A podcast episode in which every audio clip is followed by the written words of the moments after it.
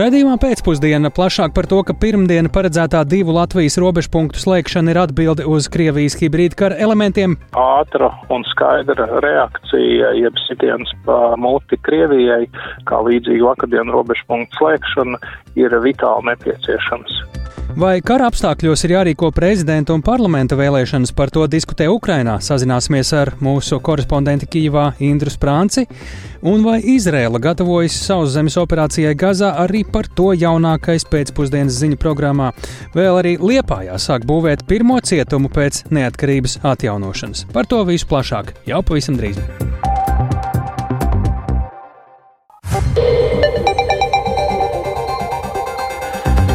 Pūkstens rāda 16,5 minūtes, skan pēcpusdienas ziņu programma, skaidrojot šodienas svarīgus notikumus. Studijā tālāk Eipurs, labdien! Šodien Liepājā simboliski pie topošās jaunās Liepājas cietuma administrācijas ēkas notika pamatakmens kapsulas iemūrēšana. Tajā uzsver, ka jaunā cietuma būvniecība sākusies vēl pirms šīs dienas pasākuma un agrāk nekā plānots, tāpēc šobrīd jau redzamas pat vairāku ēku aprises, kā arī ieslodzīto kameru paraugu versijas. Tās tiek rūpīgi pārbaudītas, lai visi materiāli un risinājumi nodrošinātu maksimālu drošību. Cietumā paredzētas vietas 1200 ieslodzītajiem par cietuma būvniecības procesu klausāmies kolēģis Ingas Ozols ierakstā. Liepājas cietuma komplekss Latvijā būs pirmais jaunbūvētais cietums pēc Latvijas valsts neatkarības atjaunošanas. Cietuma ēka atradīsies vairāk nekā 5 km no pilsētas centra un to apjozīs vairāki žogi. Tieši drošības jautājums savulaik, kad sākās sarunas par iespējamā cietuma būvniecību, Liepājā radīja bāžas. Atceras Liepājas valsts pilsētas domas priekšsēdētājs Gunārs Ansiņš no Liepājas partijas. Šis projekts ir virzījies ļoti ilgi. Jāsaka, godīgi, mēs bijām ļoti skeptiski par jaunu cietumu klātbūtni Liepājā. Tāpēc mēs arī braucām, apmeklējām Tartu. Tajā laikā bija modernākais cietums Igaunijas teritorijā. Iespēja pārvietot cietumu ārpus pilsētas centra un radīt vairāk nekā 400 darba vietas, kas būs nepieciešamas jaunajā cietuma kompleksā, Liepājai radīja pārliecību, ka šis projekts ir īstenojams. Gandarījumu par cietumu būvniecību procesu, par ko runāts jau gadiem ilgi, pauž ieslodzījuma vietas pārvaldes priekšnieks Dmitrijs Kaļins. Mūsu sistēmā tas ir ļoti nozīmīgs uh, posms un, un notikums, jo vienu brīdi ļoti ticējuši, pēc tam neticējuši, tad atkal parādījās cerība. Un beidzot, ka tas ir noticis un reāli līgums parakstīts un jau sākam būvēt, tas tiešām tikai pozitīvi un, un priecīgi. Kas ir tās galvenās izmaiņas, kas tomēr šajā cietumā tiks nodrošinātas? Saprotu, sešas sēkas. Jā. Pats galvenais sistēmai, kas būs nodrošināts, jo komplekss tiks būvēts uzreiz kā cietums cietuma funkcijai. Būs labāki un drošāki darba apstākļi darbiniekiem, mainīsies arī ieslodzīto sadzīvi, skaidro ieslodzījuma pārvaldes priekšnieks priekšnieks. Katrā kamerā būs sanitārais mezgls ar dušu, dušu tolete. Kameras būs divvietīgās no darba viedokļa. Daudz vieglāk strādāt ar eh, diviem cilvēkiem, kad viņi izvietot pa divi, nevis lielākās, eh, lielākās telpās. Šī nav taisīta, lai šodien parādītu, kāda iztīsies kamera. Tas ir mūsu darba procesā kur mēs ar ieslodzījumu vietu pārvaldu nāksim šo te laustu demolēt. Kopumā Liepais cietumā būs 600 ieslodzīto kameras. Speciāli veidotas arī logu restes un citas detaļas. Te pārbaudīta tiek katra skrūvīta, uzsversījā tiesunām aģentūras nekustamā īpašuma projekta daļas vadītājs Agris Balodis. Metāla slēdzams, kur viņi nevar atmuļķēt durvis, jo liekas jau, ka viss ir ļoti vienkārši. Bet tiešām mēs šeit esam nonākuši līdz katrai skrūvei. Durvis skrūves vajag tādas, ka ieskrūvē un nolūst vai nevajag. Tur ir nu, tādas nianses. Tagad mums ir jauns risinājums tām gultām. Mums ir uz ķīmisko cementu. Viņas pielikt bez galvā nav ne rievas, nekā. Nu, mēs viņus gribam tagad pārbaudīt. Nu, celtnieks saka, ka mēs viņus nevarēsim četri vīri izraut ārā. Nu, mēs mēģināsim. Cietuma būvniecība uzsākta agrāk nekā plānots, un šobrīd jau redzamas vairāku ēku aprises. Par būvniecības gaitu vairāk stāsta uzņēmuma Sijā Citrus Solution valdes priekšsēdētājs Kārlis Kostjukovs. Divas ēkas tiek būvētas ir uzmontēta pirmā stāva karkas. Tas nozīmē, ka pārprojektēšanas darbi, kas ir viens no mūsu pienākumiem, līguma ietvaros, notiek ātrāk nekā bija sākotnējais grafiks. Novembrī plānojam pabeigt visāku pārprojektēšanu un arī uzsākt gada beigās divus lielākos korpusus būvēt ieslēdzīto izmitināšanas korpusu. Taupot resursus nācies projektu optimizēt, bet saturu tas nemainīs, uzsver tiesnam aģentūras valdes locekla Santa Sausiņa. Apmācība telpas, ražošanas telpas vienā ēkā, kas iepriekš bija paredzētas divās dažādās ēkās, nāk klāt kaut kādas jaunas nianses, piemēram, uz pulksteņu sistēmu visā cietuma kompleksā, lai visos gaitiņos visur varētu redzēt pulkstenī. Klātesoši Liepājas cietuma būvniecības pirmsākumos ir tieslietu ministra Inese Lībiņa Egnere no jaunās vienotības. Viņa uzsver, ka šādiem jābūt visiem cietumiem un pārmaiņas notiks pakāpeniski. Latvijā pašlaik ir deviņas ieslodzījuma vietas un sešās no tām ēkas ir vairāk nekā simts gadus vecas. Šobrīd Olainē tiek būvēts jauns mācību centrs tieši darbiniekiem, jo arī darbinieks mēs sagaidām tādus motivētus un jaunus šajā cietumā, tādus, kas pārzina psiholoģiju, tādus, kas pārzina sociālo darbu. Jaunā Liepājas cietuma būvniecības izmaksas sasniedz gandrīz 126 miljonus eiro. Plānots, ka Liepājā tas sāks darboties 2025. gadā, līdz ar to nodrošinot sodu izpildes un resocializācijas procesu jaunā līmenī. Tikmēr senā Liepājas cietuma ēka, ko savulaik projektēja Pauls Maks Berčī, visticamāk tiks pārdota izsolē. Jaunais cietums būs nesalīdzinām lielāks. Ingozola Latvijas radio kurzemē. Un vēl ziņa par kādu ieslodzījumu vietu Latvijā. Vakar jau vēstījām par Jelgavas cietumu šahistu komandas piedalīšanos starpkontinentālā ieslodzījumu vietu šāha turnīrā. Nu, un šodien saņēmām vēsti, ka vairāk nekā simt komandu konkurencē viņi ieņēmuši vismaz 19. vietu. Salīdzinājumā ar pagājušo gadu tas ir bijis būtisks kāpums. Jau vakar vēstījām, ka mūsēji bija iekļuvuši pusfinālā, bet jaunākā informācija liecina, ka finālā izdevies iekļūt nav. Tā Latvijas radio noskaidroja ieslodzījumu vietā.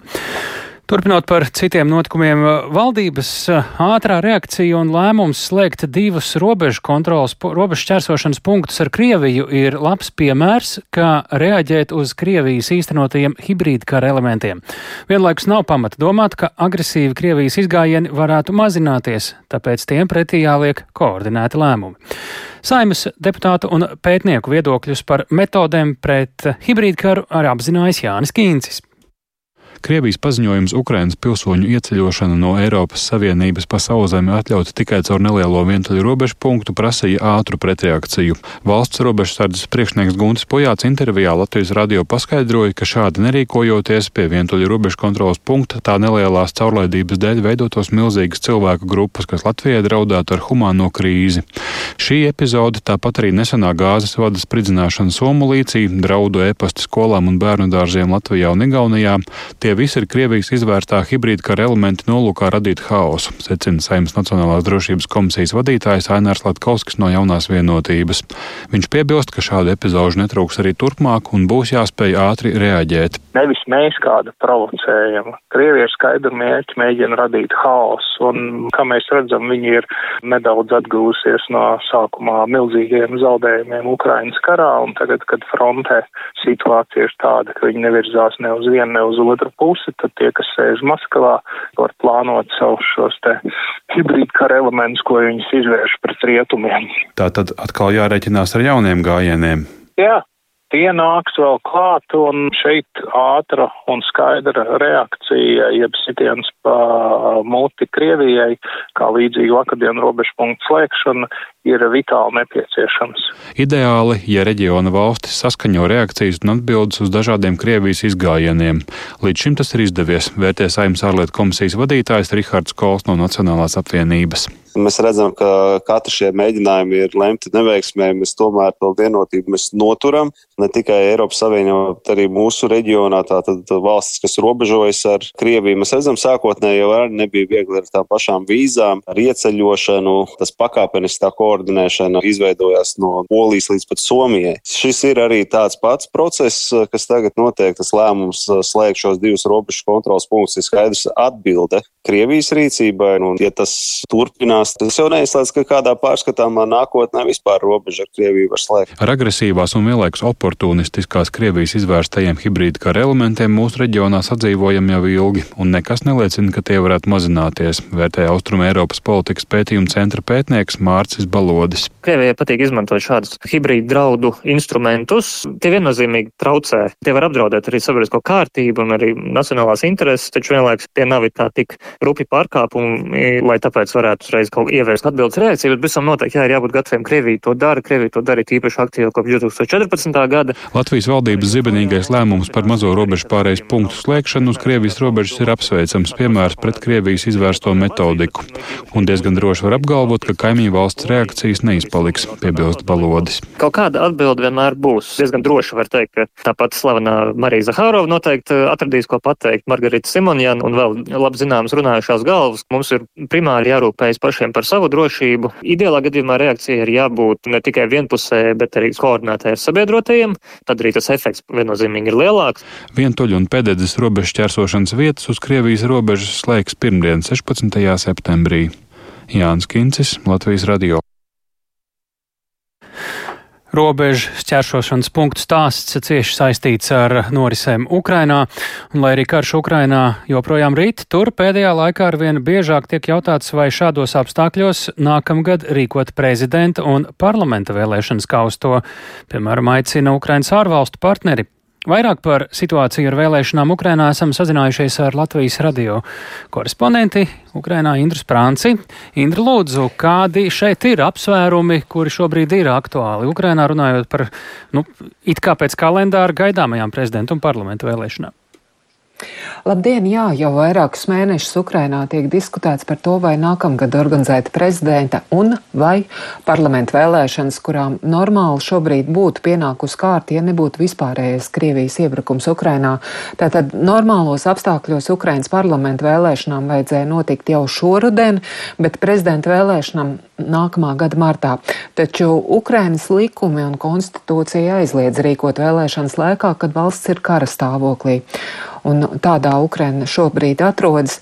Taču neskatoties uz šo te īpašo kara stāvokli, un arī to, ko nosaka Ukrainas likumi, ārvalstu partneri, ASV un Eiropas valsts valstis iestājas par to, lai Ukraina vēlēšanas nākamgad tomēr sarīkotu. Un par to ir runājis ar, um, gan Eiropas padomas parlamentārās asamblējas prezidenta, ka Ukrainas iestādēm ir jāizdomā, kā reaģēt uz šo izaicinājumu un tomēr nodrošināt vēlēšanas kara stāvoklī. Arī, piemēram, ASV re republikāņu senators uh, Lincijas Grems nesen izteicies, ka Ukrainai būtu jāspēr solis pretī demokrātijai un jāsarīko vēlēšanas tomēr arī 2024. gadā. Un, kā noprotams, ārvalstu partneri Ukrainā grib strādāt ar komandu, kurai ir šobrīd tautas dots mandāts, bet nu, sanāk, ka jāstrādā ar iepriekš ievēlētajiem. Kamēr tādas īstas skaidrības par turpmāko nav, Ukrainas nevalstiskās organizācijas pēdējā laikā arvien skaļāk pauž iebildumus pret vēlēšanu organizēšanu un mēģina apturēt šo te ieceri. Un šobrīd zināms, ka simts Ukrainas nevalstiskās organizācijas ir jau parakstījušās pret vēlēšanu organizēšanu. Un viena no šīm te organizācijām, kas ir šādi um, iestājusies uh, pret vēlēšanu organizāciju, ir um, platforma Opora. Un paklausīsimies tās pārstāvi Anatoliju Bondarčuka man intervijā skaidroto, kāpēc viņi iebilst. Багато де виборча інфраструктура вона зруйнована, тому що це школи зазвичай. Daudz kur vēlēšanu infrastruktūra ir iznīcināta, jo tās ir skolas, komunālās saimniecības ēkas. Tur nav iespējams nodrošināt drošību. Otrs - ļoti daudz cilvēku, pēc mūsu datiem ap 6 līdz 8 miljoniem ukrāņu šobrīd atrodas ārzemēs. Kā iesaistīt šos cilvēkus balsošanā? Tas ir ļoti sarežģīts jautājums.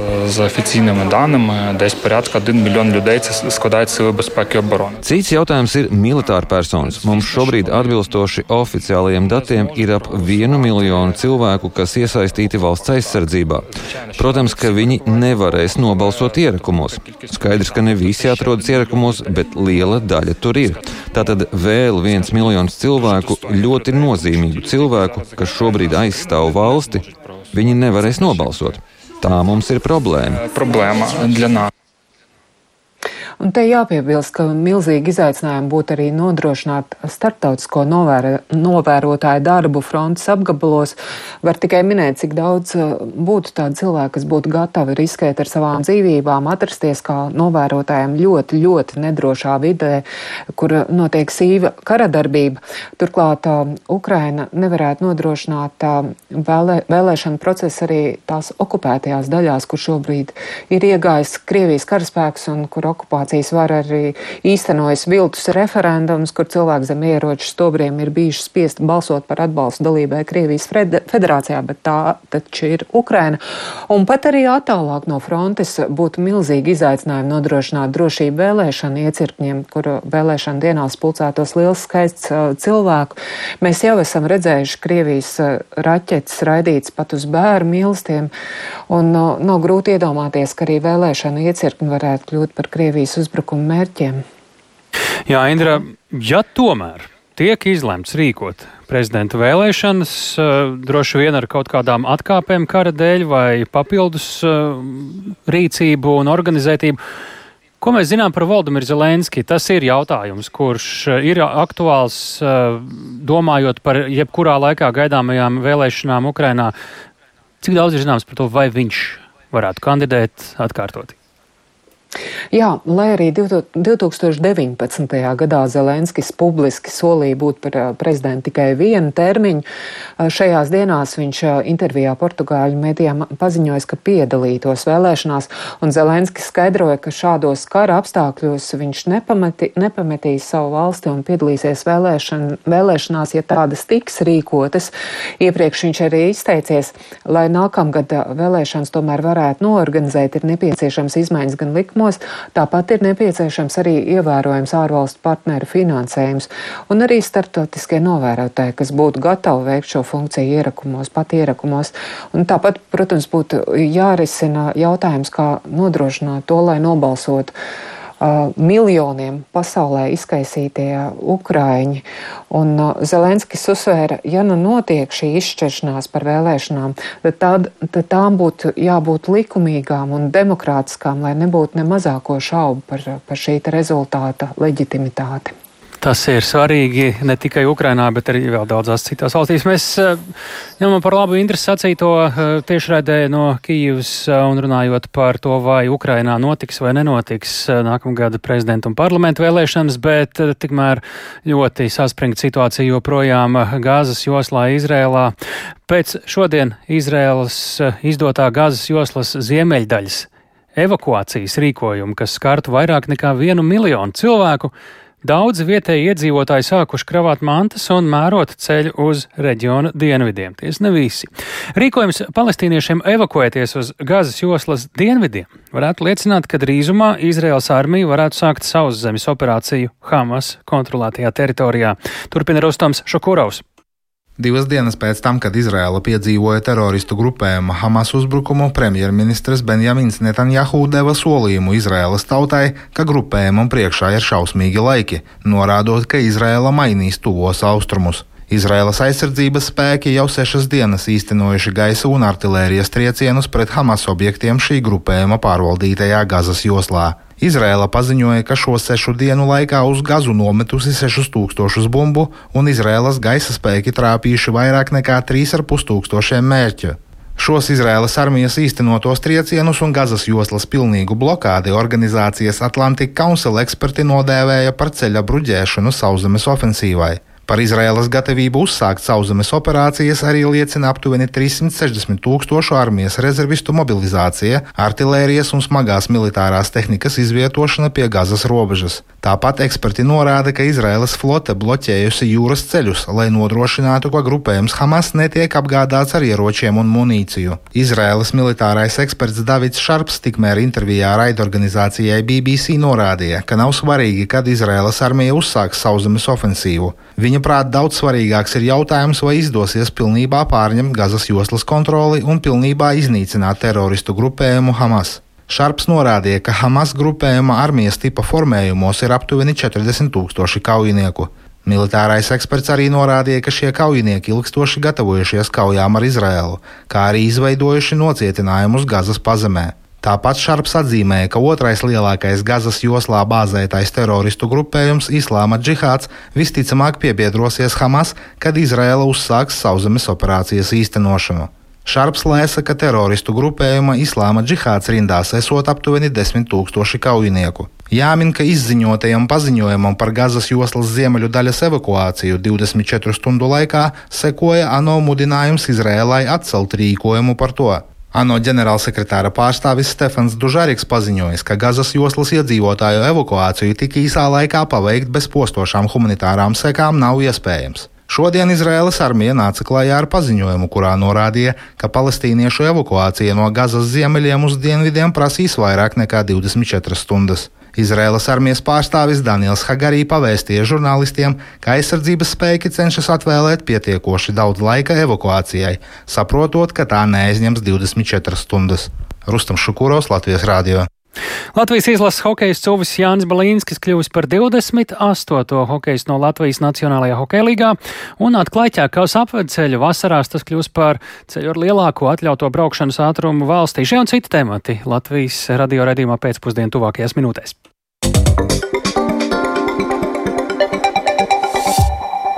No ķekavas līdz Rīgai ar automašīnu līdz pat 25 minūtēm ātrāk nekā līdz šim. Pēc divu gadu būvniecības šodien atklāts 17 km garais ķekavas apvedceļš un paredzams, ka tas būtiski atslogos ķekavu un apkārtējos ciemus no kravas un tranzīta braucējiem. Tā uzskata uzņēmuma Latvijas valsts ceļi.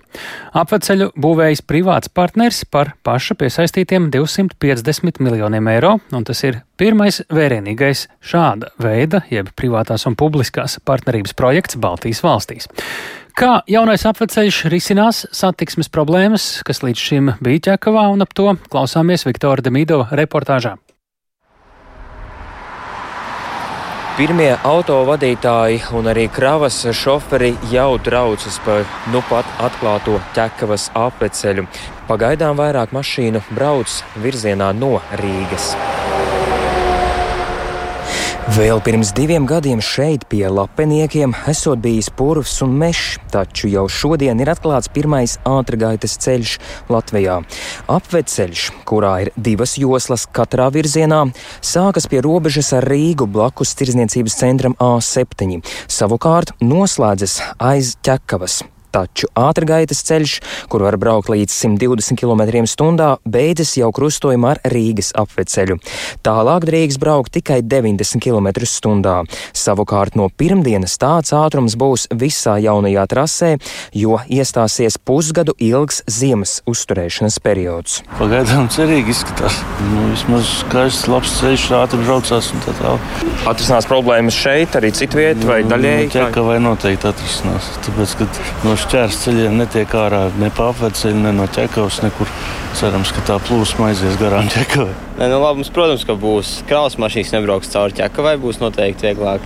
Izbraukt uh, cauri ķekavai ar vieglo mašīnu, ja, un uh, es domāju, ka arī tā satiksme būs ātrāka, un no rītiem visticamāk, nu, cerams, ka nebūs tādi sastrēgumi.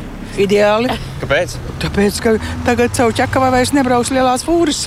Tas ir ļoti liels iegūms. Tagad, kad ir tās divas joslas, ir daudz labāk. Nu, vienkārši pārnesīsies, būs kaut kur Ziepniekalnā, droši vien būs tie sastrēgumi. Šeit atbrauks ātri, bet uh, pēc tam pilsētā kaut kur būs pie nākamā luksofora. Baložos tādas problēmas kā nebūs. Ja? Es ceru, ka nē. Tā saka ķekavā un baložos uzrunātie cilvēki. Turpretim uzrunātais kravas mašīnas vadītājs projektu vērtē divējādi.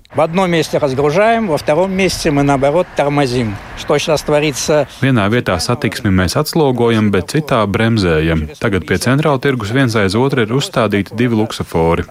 Viena kravas mašīna apstājas un viss. Mēs problēmu vienkārši pārvietojam. Es uzskatu, ka apkārt pilsētai ir jābūt aplim. Vecmilgrāvi apbraukt var, bet, lai apbrauktu no otras puses, trūkst ziemeļu pārvada. Savukārt tālbraucējs Igors no Krustakalniem atzīmē, ka vietējiem iedzīvotājiem jaunais apveceļš dzīvi būtiski uzlabos, taču visas problēmas viņa prāt tas neatrisina.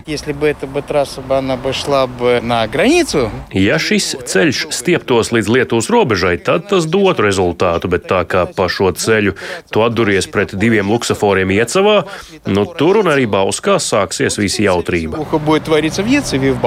Jaunais ceļš Čekavas novadā visas satiksmes problēmas tomēr neatrisinās, turpina novada domas vadītājs Juris Žilko no partijas izaugsme. Plakanciem puse mežnieki, kur eh, nav šī te eh, pārvada, kas eh, prasa varbūt ikdienā kādu lieku kilometru, lai dotos uz novada centru, taču ir vīri virkne citu apkaimju un ciemu, kā piemēram šeit šobrīd, kur mēs esam Kroksils, kur ir tiešā tuvumā un šis te viedukts un ir būtiski uzlibojusies satiksme un ātrums, ar kādu var nokļūt galvaspilsētā. 17 km garo ķekavas apveceļu uzbūvēja ārvalstu uzņēmumi publiskās un privātās partnerības projektā. Par 250 miljoniem eiro vērtajiem darbiem viņi maksājuši paši. Turpina Latvijas valsts ceļi vadītājs Mārtiņš Lazdovskis. Šis sadarbības modelis paredz to, ka privātais partners gan pats uzprojektē, uzbūvē, nofinansē Tāpēc arī projektā piedalās Eiropas Investīcija Banka un Ziemeļinvestīcija Banka. Nofinansē šo būvi, bet papildus tam arī uztur būvi 20 gadu periodā. Respektīvi, privātais partners arī tīrīs ziemas sniegu, rūpēsies par apgaismojumu, ja izdegs kāda lampiņa un tam līdzīgi. Un mēs, kā Latvijas nodokļu maksātāji, par šo projektu sāksim maksāt tikai no šodienas, nevis no brīža, kad uh, notika būvniecība. Tādu projektu valsts plāno īstenot arī būvējot Bauskas apveceļu, kas varētu būt gatavs 2028. gadā. Viktors Demidovs, Latvijas radio. Kamēr ķekavas pašvaldībai ļoti labas ziņas, un arī apkārtējām pašvaldībām citas pašvaldības dzīvo ar ļoti pesimistisku skatu jau tuvākajā nākotnē. Lielai daļai Latvijas pašvaldību nākamā gada budžets nebūs pietiekams, un daudzās no tām būs apdraudēta pašvaldību funkciju izpilde. Iemesli tam ir minimālās algas celšana, energoresursu sadārdzinājums, inflācija, pedagoģa atalgojuma celšana, straujais kredītprocentu likmju kāpums, kā arī jaunas pašvaldībām uzliktas papildu funkcijas, piemēram, pašvaldības policijas izveidi. Tiek lēsts, ka, lai pašvaldības spētu darboties, to nākamā gada budžetiem jāaug par vismaz 7%, un šajā ziņā sarežģītākā situācija ir Latgalē, Krāslavas novadā un Augšdaugavas novadā. Tur ieņēmumu pieaugums ir tikai pusprocents vai procents. Vai risinājums varētu būt dotācija? Plašāk Silvijas Smagars ierakstā. 4. oktobrī Latvijas pašvaldību savienība un finanšu ministrija uzsāka sarunas par nākamā gada pašvaldību budžetu, jo tad iezīmējās virkne problēmu un izaicinājumu, ar ko pašvaldībām, īpaši tām, kuras atrodas tālāk no Rīgas, nāksies saskarties finanšu jomā, atzīst Latvijas pašvaldību savienības priekšsēdis Gins Kamīnskis. Vismaz 17 vai varbūt vairāk pašvaldībai pietrūks līdzekļi pamat funkciju veikšanai, jo, piemēram, bērndārs pedagoģa atalgojums salīdzinoši ar pagājušo gadu pieaug par 42%, minimālās algas palīdzības palielinājums, eh, kredītprocenti gada laikā tikai procentos vien uz visām pašvaldībām tie varētu būt 30 miljoni. Pakalpojumu cenu pieaugums, nerēķinot pat inflāciju. Augstdaugas novadam, Krāslavas novadam mums ir katastrofāls attiecībā uz nākošā gada budžetu. Pat par katastrofālu nākamā gada budžets var izvērsties abām pierobežas pašvaldībām - Krāslavai un Augstdagavai, atklāja Augstdagavas novada domas vadītājs Arvīts Kucins no Dāngāpils novada partijas. Tas pieaugums, kas pašais figurē 1,1% pret šogad, pieaug arī dažādi izdevumi nākošam gadam. Ja vidēji valstī pašvaldībām nākamā gada budžeta pieaugums svārstās 8,1% apmērā, pierīgā tie ir pat 15%, tad augšdagavas novadām tas ir 1,1%, bet Krāslavas novadam vispār tikai pusprocents. Galvenais, ka mēs izējām no visiem projektiem, no visiem līdzfinansējumiem. Dzīve faktiski novadā apstājas, saka Krāslavas novada domas priekšsēdētājs Gunārs Upanieks no Latvijas Zemnieku savienības. Mēs jau šodien nerunājam par kaut kādām siltināšanām, pamēģinām. Mēs visi slīpojam ārā. Cilvēki domā, kā no šejienes tik prom. Ja nē, ko finanšu ministrija tā kā slimnīcā vidē temperatūra, tad jau normāli. Pierīgai baigie plusi, un jūs tad tieciet kā gribat. Šī vidējā temperatūra finanšu jomā pašvaldībās, par ko runā Augstdagavas novada domas priekšsēdētāja vietnieks Vitālijas aizbalsts un Latgales partijas, tomēr neatspoguļo reālo situāciju virknē pašvaldību. Uz to vērš uzmanību arī Latvijas pašvaldību savienība. Krāslava vai Augstdaugavas novada līdzekļi ļoti nepietiekami. Arī iedzīvotājs skaits samazinās. Mēs esam pierobežas. Mums to bērnus no 0 līdz 6 un no 7 līdz 18 attiecībā uz iedzīvotāju skaitu pret citām pašvaldībām ir daudz mazāks. Augstdaugavas novada gadījumā nākamgad ieņēma veidos nepilnus 23 miljonus eiro, kas, kā stāsta Arvīts Kucins, būs par gandrīz 260 tūkstošiem vairāk kā pērn. Tomēr šis pieaugums apgrozinās pašvaldības autonomo funkciju izpildi un sarežģīti rast posmu, uz ko vēl pašvaldībā varētu ciešāk savilkt taupības jostu, uzsver domas vadītājs. Nu, nevaram nepildīt tās funkcijas, kas ir uzliktas uz kā rēķina. Pārvaldēs tīri tehniskie cilvēki, skolnieku pārvadājumi, uzņēmumi, traktoristi, kurinātāji, tagad pagasta pārvaldnieks, vēl lietvedis, bibliotekāra, kultūra optimizēt varu pagastu pārvaldniekus, bet nu, pagasts kā struktūra vienība paliek. Turklāt pašvaldībā ar nākamo gadu jāsaskaras ar jauniem izaicinājumiem, lielāku finansiālo slogu un arī jaunām papildu funkcijām. Situācija analizē augšdagos novada vadītājs Arvīts Kucins. Runāju tikai par atalgojumu līdz minimālā algai, tiem, kam zem 700 eiro. Mums kaut kur 660 tūkstoši vajag, plus pedagoģu palielinājumu pirmskolas, jā, tur 290 tūkstoši. Pašvaldības policija prasa viņu izveidot tur bez 450 tūkstošiem, laikam gadā nevar iztikt. Deinstitucionalizācija, kas šogad vēl iet no tā projekta naudas, un nākošam gadam vienkārši viņas nav. Jā. Tur 500 tūkstoši. Sociālā palīdzība palielinās griezti papildu 250 tūkstoši. Nu, un atmaksā arī procentā aizdevuma pie 300 tūkstoši. Cik tā summa tagad sasumēs? 2,7 miljoni. Jā. Lai to visu sektu augšdagos novadam nākamgad būtu nepieciešami papildus vismaz 2,7 miljoni eiro. Pietiktu vismaz ar pusi šīs summas, lai savilktu galus kopā rēķina pašvaldībā. Varu teikt pa diviem. Krāslavas novadā nākamā gada budžetā, kā saka Gunārs Upanieks, iztraukums uz diviem miljoniem eiro. Problēmas risinājuma tēma ir sarunu dienas kārtībā ar Finanšu ministriju atzīst Gins Kamīnskis no Latvijas pašvaldības savienības. Viens no risinājumiem ir ar speciālo dotāciju šīm pašvaldībām. Tas ir iedzīvotājiem, kuri saņem to vai citu pakalpojumu šajā teritorijā. Nākamās Latvijas pašvaldības savienības un Finanšu ministrijas sarunas plānotas nākamnedēļ, 18. oktobrī, bet 20. oktobrī plānots skatīt jau vienošanās un domstarpību protokolu par nākamā gada budžetu. Šajā sēdē piedalīsies arī ministra prezidenta Evika Siliņa. Silvija Smagara, Latvijas radio studija Latgalē. Tev ir vadlīnijas, tātad tev ir jājūtas droši. Latvijas neredzīgo biedrība ar šādu vadmotīvu šodien Rīgā pie laimes pulksteņa aicināja cilvēkus uz zibakciju vide priekš visiem.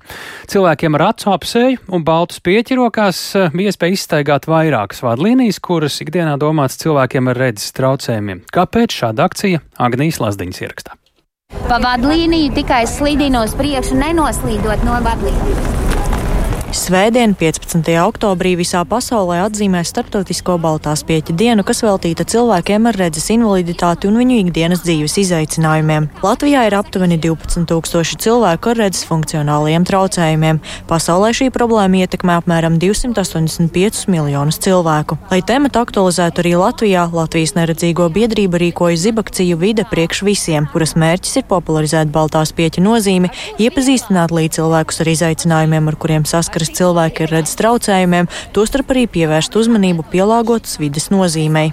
Tas ir ļoti savādi. Tu noņem veselu maņu, tu nevari redzēt, un uh, tad tev ir jāizmanto tas, kas tev ir palicis. Tad uh, izjūta ar spieķi vai ar kājām daudz mēģina sataustīt ceļu, kas ir zem viņiem. Tā par cilvēku spēju ar aizklātām acīm izsteigāt vadlīnijas izsakās Latvijas neredzīgo biedrības biedrs Dinārs Leišaunieks. Viņš bija viens no tiem, kas zibakcijas laikā uzrunāja garām gājējus izmēģināt iejusties neredzīgu cilvēku ādā. Es domāju, ne visa sabiedrība ir informēta puse no cilvēkiem, kuriem mēs jautājām šodien, eh, vai viņi zina vispār, kas ir baltais spieķis, viņi nezināja. Baltais spieķis ir salokāms pielāgojuma garuma orientēšanās spieķis, kas cilvēkiem ar redzes traucējumiem palīdz orientēties telpās un ārpus tām. Taču tikpat svarīgi ir, lai arī pārējā sabiedrība saprot baltā spieķa nozīmi un prot reaģēt uz situāciju, kad pārvietojas cilvēks ar balto spieķi. Piemēram, Latvijas ceļu satiksmes noteikumi paredz, ka autotransporta vadītājiem jebkurā gadījumā arī ārpus gājēju pārējām jāpalaiž garām neredz nereddzīgi gājēji, kas rāda signālu ar balto spieķi. Kā stāsta rīdziniece Vlada, kas ir neredzīga, pārvietošanos var salīdzināt ar sportu. Jo vairāk trenēsies, jo labāk sanāks. Viņa atzīst, ka Rīgā vides pieejamība ir laba, taču vienmēr var veikt uzlabojumus, kas atvieglotu pārvietošanos. Piemēram, šobrīd viņa nevar pilnībā paļauties tikai uz vienu orientieri, piemēram, vadlīnijām, tāpēc paralēli izmanto arī citus, kā trotuāru, zālāju vai ēku sienas. Sabiedrība ir atvērta. Tad, kad es lūdzu palīdzību, man vienmēr tā ir. Parasti palīdz jaunieši. Tas ir labi. Sabiedrība attīstās arī šajā jomā. Tāpēc arī tādas akcijas pastāv un tāpēc arī informētība paaugstinās. Bet vienalga sabiedrībai arvien vairāk ir jāiesaistās un jāsaprot, kā dzīvo tā vai cita sociālā grupa, lai ir vairāk priekšstats. Es joprojām uzskatu, ka nav sabiedrība līdz galam izpratne, kā dzīvo neredzīgie cilvēki. Arī Latvijas neredzīgo biedrības centrālās valdes priekšsēdētājs Kaspars Biezais uzsver, ka lai gan Latvijā apkārtējā vide tiek arvien vairāk pielāgota cilvēkiem ar redzes traucējumiem, tomēr joprojām ir svarīgi turpināt ne tikai sadzirdēt, bet arī ieklausīties konkrētajā cilvēku grupā. Manuprāt, šie gadījumi, kad tiek nolikti dažādi priekšmeti uz šīm vadlīnijām, vai nu puķu podi, vai nu konteineru atkritumu, tas nozīmē, ka tā izpratne īsti nav pietiekama, lai varētu teikt, ka pilnīgi saprot. Tāpat biedrības pārstāvi norāda, ja cilvēks redz citu cilvēku, kas iet ar balto spieķi, tas nozīmē, ka šī konkrētā persona ir pārstājusi kautrēties un uzrīkstējusies paņemt rokās balto spieķi un doties publiskā telpā. Agnija Lazdiņa, Latvijas radio. Cilvēki ar nojām rokās arī mūsu nākamais stāsts. Tiesa gan eh, runāsim par sportu, par hokeju, jo Latvijas hokeja izlases aizsargs Uvis Jānis Balīnskis šorīt ir kļuvis no jau par 28. hokejistu no Latvijas, kurš ir aizdījis kaut vienu spēli pasaules spēcīgākajā hokeja turnīrā, jeb Nacionālajā hokeja līgā. Tas notika mačā, kurā viņa pārstāvētā Floridas Panthers komanda Zaudēja ar 0-2 Minnesotas Wild, un šajā sezonā Blīnskis pagaidām ir viens no četriem Latvijas hokeistiem, kuri ir kādas NHL vienības pamatsastāvā. Un plašāk par Blīnska debiju pasaules spēcīgākajā hokeja līgā jau to daļu ir gatavs pastāstīt kolēģis Mārtiņš Kļavinieks. Sveiks, Mārtiņ! Nu, bija pārbaudas spēles, tur mēs varējām redzēt, kā viņš spēlē, bet nu, tās neuzskata par tādu ļoti objektīvu rādītāju. Šī ir pirmā oficiālā spēle NHL, ko mēs redzējām. Jā, sveicināti klausītāji, sveiks tālu. Mēs redzējām pārliecinātu hokeistu savās darbībās, un uh, man šķiet uh, ļoti labs sniegums īpaši pirmajai spēlē, un uh, ņemot vērā to uvja ceļu uz Nacionālo hokeja līgu, par ko mēs noteikti vēl parunāsim. Bet, tas ir īpaši. Jā. jā, bet viņam deva spēlēt pārbaudas mačos, un tas jau nozīmē, ka visticamāk dos arī uh, iespēju pirmajā regulārā sezonas spēlē, un tas arī notika, un nekādu tādu lielu trūkumu vai trūkumus viņa sniegumā, cik es redzēju, nesaskatīju. Mm -hmm. Es es to beigās jautāt, bet tagad pajautāšu, nākamais mačs viņam būs NHL. Nā... Noteikti, es domāju, noteikti, jā, un uh, nākamais jau rīt, uh, 11. vakarā būs uh, pret Winnipeg Jets. Florida atkal spēlēs izbraukumā, arī šī spēle bija izbraukumā, un tad būs vēl viena, un pēc tam tikai viņi būs, uh, viņiem pirmā mājas spēle noteikti būs, jo nu, tās aizsargrīnas arī nav nemaz tik biezas Floridas Panthers komandai. Kas ir par labu? Uvim. Jā, un kāpēc viņš šobrīd arī daļēji, protams, visi nopelna tikai viņam par strādāšanu, sevis pierādīšanu, bet uh, divi pamatsastāvā aizsargi ir traumēti Floridai šobrīd, un uh, divi vadošie pamatsastāvā aizsargi, Arons Egblats un uh, Brendons Montūrs.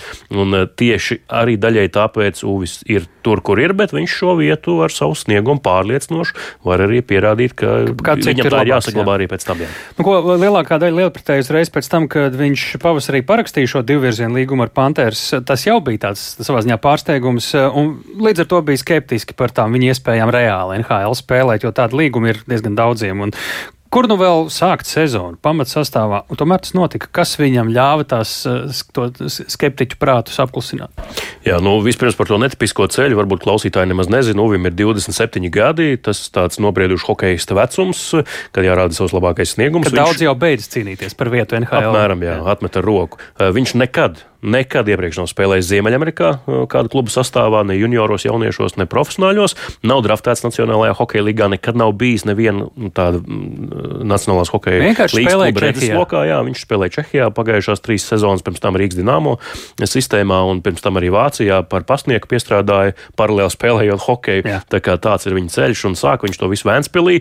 Un viņa pirmais treneris, jā, ir ļoti priecīgs par to, ko audzēknis ir sasniedzis. Un Robertu Grosbergu arī šodien sazvanīju. Tiešām ļoti priecīgs treneris. Klausāmies! Nu, stabils sniegums, es teiktu, stabils sniegums. Viņš ir domājušs hokejists. Viņš nav taisnu virzienu skrējējis. Tāpēc, ka viņš nepārspīlēja, neko nesasteidz. Citi tur gribēja sasteigt, kaut ko izdarīt vairāk.